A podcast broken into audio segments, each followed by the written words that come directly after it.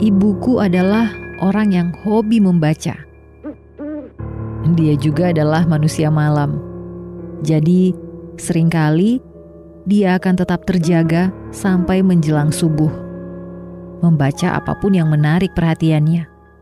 Kalau tidak salah, saat itu dia sedang membaca novel-novel milik Agatha Christie.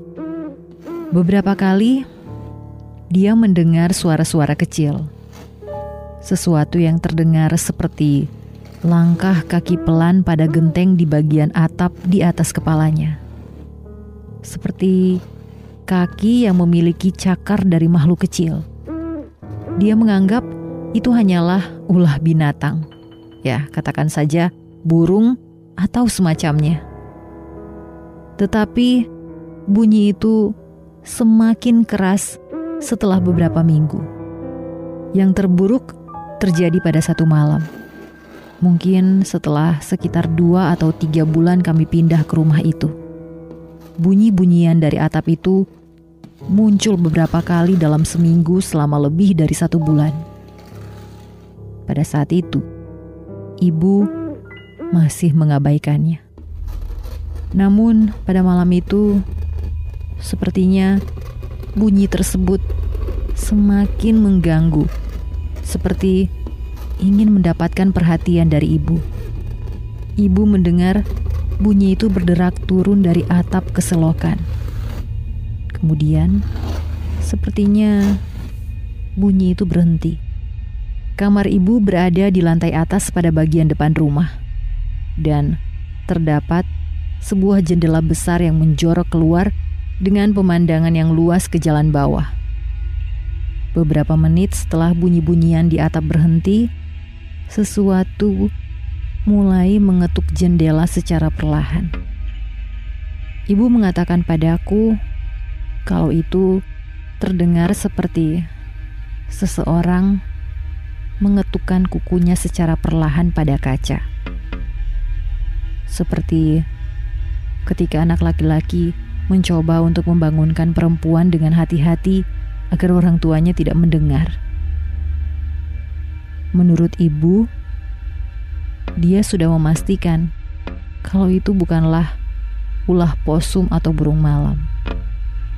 Dan dia berusaha untuk mengabaikannya, berpura-pura membaca bukunya dan terus menatap ke depan.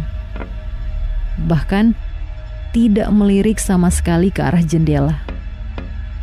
Bunyi ketukan itu mengeras. Sepertinya apa pun yang ada di luar sana mulai kesal. Dan ibu pun berdoa.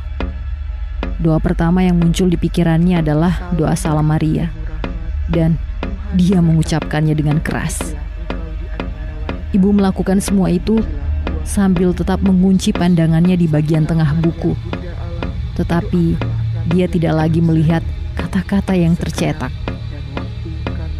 Ketika doa itu selesai, suara ketukan pun berhenti. Setelah malam itu, suara itu tidak pernah terdengar lagi. Akan tetapi, kejadian aneh muncul di bagian lain dari rumah. Di kisaran waktu yang sama, Joy sering berada di rumah pada siang hari. Dia bekerja di lapangan golf pada akhir pekan, dan di siang hari dia belajar. Karena ujian akhir sudah dekat, dia lebih sering di rumah. Sendirian belajar ketika aku berada di sekolah dan ibu ada di tempat kerja. Kemudian, dia mulai mendengar suara-suara di sekitar rumah. Pada awalnya, itu bukanlah hal yang terlalu dramatis. Eh, hanya bunyi-bunyi ketukan yang sangat tipis.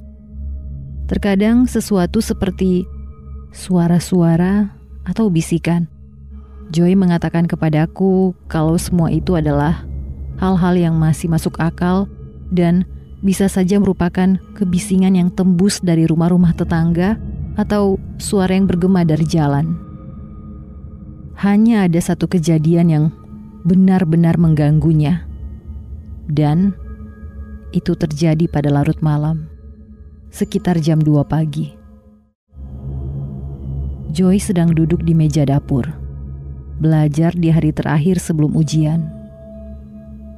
Ketika dia berpikir untuk berhenti dan segera tidur, dia mendengar suara cekikikan anak-anak dan sebuah bunyi berdenting yang jelas. Ini bukanlah suara tipis dari rumah tetangga. Dia mengatakan kalau suara itu terdengar tidak begitu jauh dari koridor yang mengarah ke ruang keluarga. Joy pikir itu adalah ulahku yang sedang mengerjainya. Jadi, dia memanggilku dan bertanya, "Mengapa aku belum tidur?" Karena dia memang sudah selesai belajar, dia merapikan buku-bukunya dan datang menemuiku. Koridor itu kosong, begitu juga ruang keluarga.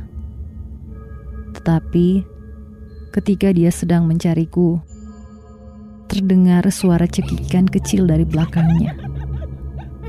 Dari tangga menuju kamar. Joy mengatakan kepadaku kalau saat itu dia tidak merasa takut hanya kebingungan. Bagaimana aku bisa melewatinya tanpa disadarinya? Dia mulai merasa takut ketika melewati dapur dan menuju tangga. Namun, tidak ada siapa pun di sana.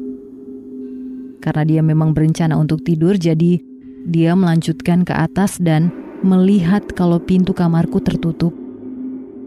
Secara perlahan dia membukanya dan dia melihatku di sana, sedang tertidur lelap. Joy bisa melihatku dengan jelas karena ada cahaya dari lorong di belakangnya.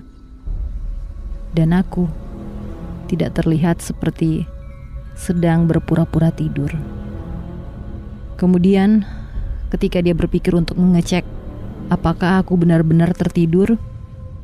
Dia dia mendengar bunyi ketukan kecil dari dalam lemari pakaian tua di kamarku. Karena terkejut, Joy memasuki kamarku dan langsung menuju lemari itu. Ketika tangannya hampir menyentuh pintu lemari, dia dia mendengar suara dari belakang. Apa yang kamu lakukan? Joy hampir berteriak dan langsung berbalik. Di sana, dia melihat ibu mengenakan gaun, rambut tebalnya kusut karena baru bangun.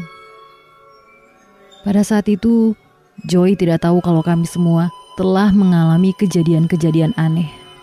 Jadi, dia membuat alasan mengatakan kalau dia mendengar sesuatu entah itu tikus, burung, atau apa pun. Jadi, dia ingin memeriksanya. Waktu itu, dia tidak tahu. Tetapi, ketika ibu mendengar itu, ibu langsung merinding karena suara-suara itu sangat mirip dengan suara-suara yang ibu dengar dari atap. Namun, meski begitu, ibu tidak mengatakan apa pun.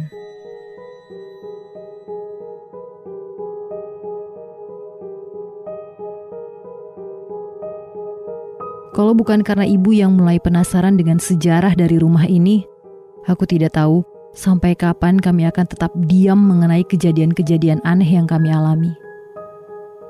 Ibu mencoba untuk berbicara dengan orang-orang asing ketika sedang berbelanja atau dalam perjalanan, terutama pada orang yang sudah tua. Ibu yakin kalau memang ada sesuatu yang pernah terjadi di rumah itu sebelumnya, dia harus menemukan tetangga yang suka bergosip. Dan dia benar.